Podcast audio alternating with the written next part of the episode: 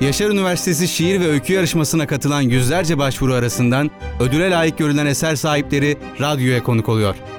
Şiir ve Öykü Yarışması seçkisi başlıyor.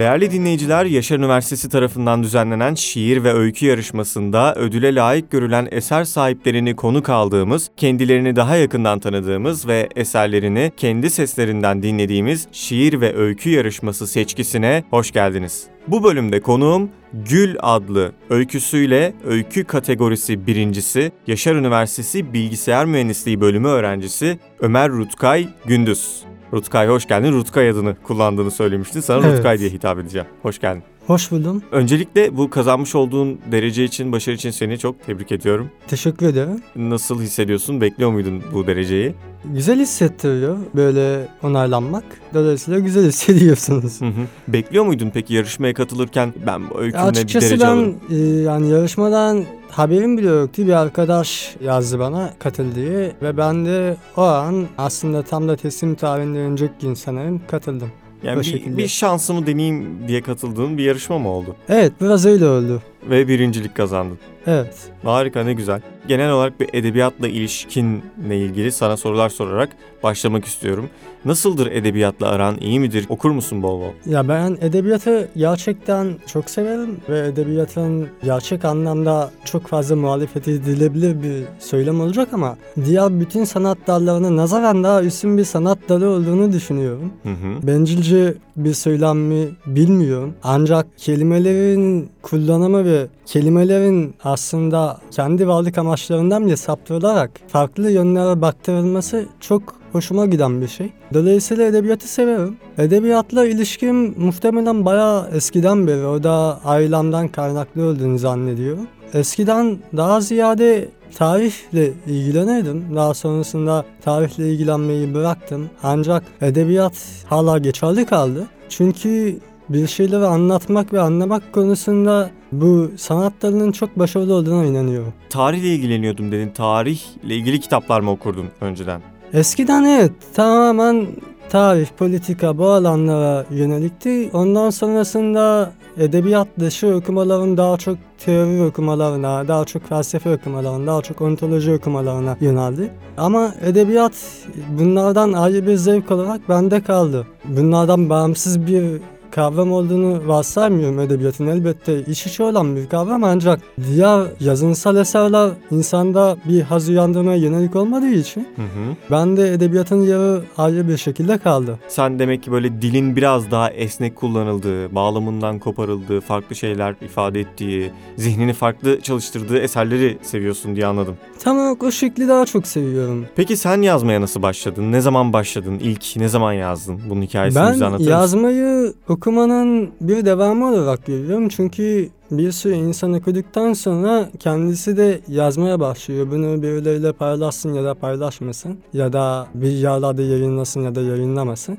Bu bence doğal bir süreç. Yazmaya tam olarak ne zaman başladım? Yani bu bence şu şekilde cevaplanmamalı. Hani ilkokulda öğretmenimiz akrostiş yazdırmıştı. Bunun cevabı bu değil. Hı hı. O yüzden tam olarak ne zaman kendi hür adamla yazmaya karar verdim bilmiyorum. Ya bir Ee, öykü mantığında bir şeyler yazmaya başladığın zamanları e, Sanırım hatırlayamıyor ortaokulun musun? sonları gibiydi başladığında diye düşünüyorum. Neydi peki o seni yazmaya iten şey? Bir okuldaki bir işte ödev miydi? Okuldaki bir yarışma mıydı? Bir öğretmenin mi teşvik etti yoksa sen kendi isteğinle mi? Ha yarışma bazında falan alırsak ya da okula yönelik bir faaliyet olarak alırsak daha da eski de belki çünkü hani eskiden beri hani seviyorum. Yarışmayı genel olarak seven bir yapım olduğu için Hı hı. o daha da eski olabilir ancak bu konuda tarif vermek benim için oldukça zor. Anladım peki. Tamam pe- e, çok e, yazmış mısındır?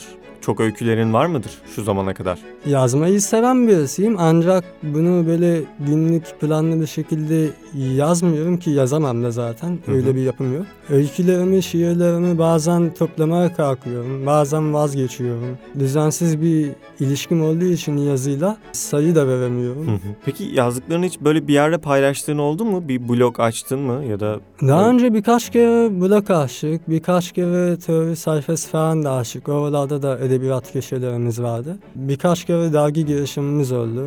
Bir şekilde edebiyatla ilişkimiz sürdü yani bugüne kadar. Yarışmayı seven bir karakterin var dedin. Yarışmalara da katıldın herhalde sanırım daha Evet. önce. Peki ilk derece aldığın yarışma bu mu oldu yoksa daha önce var mı derecelerin? Edebiyatla ilgili ilk derece aldığım yarışma zannediyorum ki ortaokulda falandı. Hı hı. Ee, ortaokullarda genelde Cumhuriyet, Gençlik Bayramı tipik etkinlikler olduğu için Evet. onlardan birisiydi. Şu anda kaç yaşındasın? Ben şu anda 20 yaşındayım. 20 yaşındasın. Kendi jenerasyonun olarak değerlendirdiğinde edebiyata merak, öykülere, kitaplara ya da şiirlere merak sence ne durumda? Hala yaşıyor mu sence bu Ya- jenerasyonda? Bunu şu şekilde değerlendirmeyi iki şekilde değerlendireceğim hatta. Birincisi artık edebiyat eskisi gibi yaşayan bir kavram mı ben kendi adıma bilemiyorum. Çünkü artık biz modern devrin sonuna geldik. Artık form olarak, biçim olarak, içerik olarak yazılmamış neredeyse hiçbir şey kalmadı. Yenilikçi bir şeyler ortaya koyabilmek çok zor. Yazının kendisinde bir tükenmişlik var. İkinci olarak da Okuyucu kitlesi olarak da insanların dikkat süresi oldukça düşüyor. Sadece bir tweet'e sığabilecek kadar şeyi okumayı tercih ediyorlar. Bu da tamamen dilin göndergesel işlevine odaklandığı için bundan bir haz alma dürtüsüne yönelik bir eylem ortaya çıkmıyor. İkinci olarak da şu yönden inceleyebiliriz. Televizyon çıktı. Herkesin evinde televizyon var. Hatta artık televizyonu bıraktık. Sinema öldü mü? Hayır. Edebiyatta ölmeyeceğini inandığım, ölmeyeceğini umduğum bir şey. Zamanla evrilebiliyor evet tamam dikkat süremiz kısalıyor ya da işte diyorsun ya hani yazılabilecek her şey zaten yazıldı. kısa öyküyü de zaten bu yüzden icat etmişler zannedersem.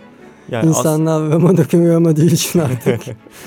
Ya bu mesela sadece edebiyatta değil işte müzikte de sinemada da aslında benzer bir süreç var. Evriliyor ve artık diyorsun ya işte yazılabilecek her şey yazıldığı biçim olarak içerik olarak vesaire. Şu an mesela bir sentez çağında olduğumuzu düşünüyorum ben. Bu sefer sentezleniyor. Türler arası bir takım çalışmalar yapılıyor. Şiirle öykü birbirine karışıyor mesela ya da sinema dediğinde başka bir tür bir iç içe girmeye başlıyor. Ya da müzikte yine böyle alternatif müzikler ortaya çıkmaya başlıyor. Birbirinin harmanı olan. Yani bir pop müzikte bile rap ritimleri görebiliyorsun. Hani sentez çağında olduğumuzu düşünüyorum. Edebiyatta nasıl diğer sanat dalları bir yol bulduysa belki edebiyatta kendine sentezlenerek bir yol bulabilir. Neden olmasın? bir yol bulacağına ve zaten sentezin de artık bu işin en temel gıdalarından biri olduğuna inanıyorum. Bu fikre katılıyorum o Hı yüzden. hı. Peki sen bir öykü yazmaya başlamadan önce bir hazırlık sürecin var mıdır? Nasıl hazırlanırsın? Nasıl biriktirirsin o öyküyü? Ben bir öykü e, yazmadan önce bunu öykü olarak değil de genel olarak yazı olarak ele alacak olursak yani sadece dümdüz bir şekilde bir şey anlatmaya çalışmayan bir yazı olarak ele alacak olursak bir hazırlık sürecim yok varsa da şu kadar önüme kalem ve kağıdı çekmek. Bunun için galiba bir şeyleri hissetmek, bir şeyleri yaşamak ya da o an yazılması gerekiyor. Çünkü Hisler daha çok anlık olarlar ve bizde iz bırakıyorlar elbette. Ancak bunun için işte bugün akşam 8'de oturacağım, yazacağım, işte 250 karakter yazacağım, üstüne şöyle yapacağım, düzeltme yapacağım demek bana tuhaf geliyor, becerebildiğim bir şey değil. Dolayısıyla yaşanmışlığın üzerine anlık olarak gelişen bir şey olduğunu düşünüyorum. Anlık olan duygularını değerlendiriyorsun. Evet, Anladım. Peki Gül öyküsü de böyle bir sürecin ürünü müdür? Anlık e, duygularının yoğunlaştığı bir e, anda yazdığın bir... tam olarak o öyle bir sürece yönelik bir öyküydü. Daha nasıl izah edebilirim bilmiyorum. Ancak Gül öyküsündeki zaten okunduğunda fark edilecektir. Gül kişisi öykünün tek karakteri. Ancak tek bir kişiyi temsil etmiyor. Benim var olduğundan beri tanıdığım birçok insanı temsil ediyor. Yeşil gözlü olan, uzun saçlı olan bir kişi değil. Ya da esmer bir kişi de değil bir tipleme ya da bir karakter değil. Dolayısıyla evet ancak bunun meydana gelmesi ancak bir olay neticesinde olabilir. Ve öyle de oldu bende. Hı hı. Şimdi bizim programımızın konsepti her e, katılan kişi kendi eserini, kendi seçtiği kısa bir parçayı kendi sesinden seslendiriyor. Şimdi sen bu kadar anlattın, kendi süreçlerini anlattın, edebiyata olan merakını, Gül öyküsünün oluşma süreçlerini anlattın. Şimdi senden senin seçtiğin o kısa parçayı senin sesinden dinlemek için sabırsızlıkla bekliyoruz. Tabii ki. Yürüyorum devasa billboardların arasından, çürük anasarıyla toplum, Bir toplumun ölüsü topraktan elleriyle ayaklarıma uzanıyor. Etimi tırnaklıyor. Her şey böyle başlamamıştı biliyor musun Gül? Kendini çok biricik zannediyorsun Gül. Konuşmaya başladığım anda dikenliğin güçlü bir silah olduğunu kendini kaptırıp aslında bir gül bahçesi içinde sana konuşmamı biricikliğinden zannediyorsun. Her neyse her şey böyle başlamadı. Sigarayı bıraktım. Önce kabuğuma kadar çekildim. Şefimin bütün kıvrımlarından sürgün edildim. Şehir beni kustu. Buramızı yudumlayıp stüdisyonist internasyonaller hakkında konuştuğumuz önce kabuğuma çekildim. Bu da oldu işte. Sonra duvarlar yaklaşıyordu bana. Güneşin raksı her gün daha eksiliyordu penceremde ve elimden bir şey geldiği yoktu. Ama zaten elimden bir şey de yapacak değildim yani. Ve yine beni dinlemiyorsun. Dikenliğin seni koruyacak zannediyorsun. O kırmızı taç yapraklarında beni şehvete çağıran sendin. Yalan mı? Kabuğuma çekildim, duvarlar, kabuğuma. Sonra kabuğum güneşte kurudu, çatladı. Kendimi bir cesetler pazarında buldum. Savaş bitmişti. Ben cephede unutulmuştum. İsmet'i de aradı gözlerim ancak görmedim. Belli ki ya savaşta kendinden geçerek ölmek öldürmek arzusuna teslim olmuş ya da kaçmıştı. Önemi yok. Zaten ne olabilirdi ki?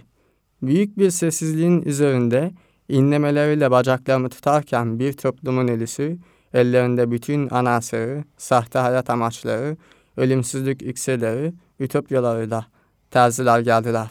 Bense gidiyorum şimdi. Yürüyorum billboardların arasından, kendimi arıyorum ama bir yandan da korkuyorum denk gelmekten. Ya bulursam kendimi, bana bir fınçla bakarsan ne olacak? Yolda bir tilki gördüm, tüyleriyle. Evcilleştirmekle evcilleştirmemek arasındaki bu muazzam diyorlar benimle yaşanacaktı. Zaten işte bırakıp geçtim tilkiyi gül. Ondan kaçtım. Hikayeyi biliyorum çünkü. Kitabın sayfalarını atlayabileceğime olan inancım hala kalbimde güçlü. Sonra ne olacak? Bilemiyorum. Bütün eveksel yalanlarıyla, aldatılmışlıkların aziz hatıralarıyla, azize heykelleriyle bildiğin gibi. Tragedi ölümsüzdür Gül. Sınırın öteki tarafında kalmış mukaddesleri izliyordu bir Ermeni general, yağmur vuruyordu siperliğine, sanki çoktan boşaltılmış siperlerin ardında, yüzü koyun uzanıyorum. Bu yatan ben miyim, öteki miyim bilmiyorum. Ağzına sağlık Rutkay. Benim Tekrar. için bir şerefti. Tekrar başarın için, derecen için seni çok tebrik ediyorum. Öykülerinin ve bu alanda kazandıklarının daim olmasını, devamının gelmesini de yürekten diliyorum. Bu bölümün de sonuna geldik. Değerli dinleyiciler, sonraki bölümlerde diğer kazananlarımızla söyleşiler yapmaya devam edeceğiz. Hoşçakalın. Hoşçakalın. Şiir ve öykü yarışması seçkisi sona erdi.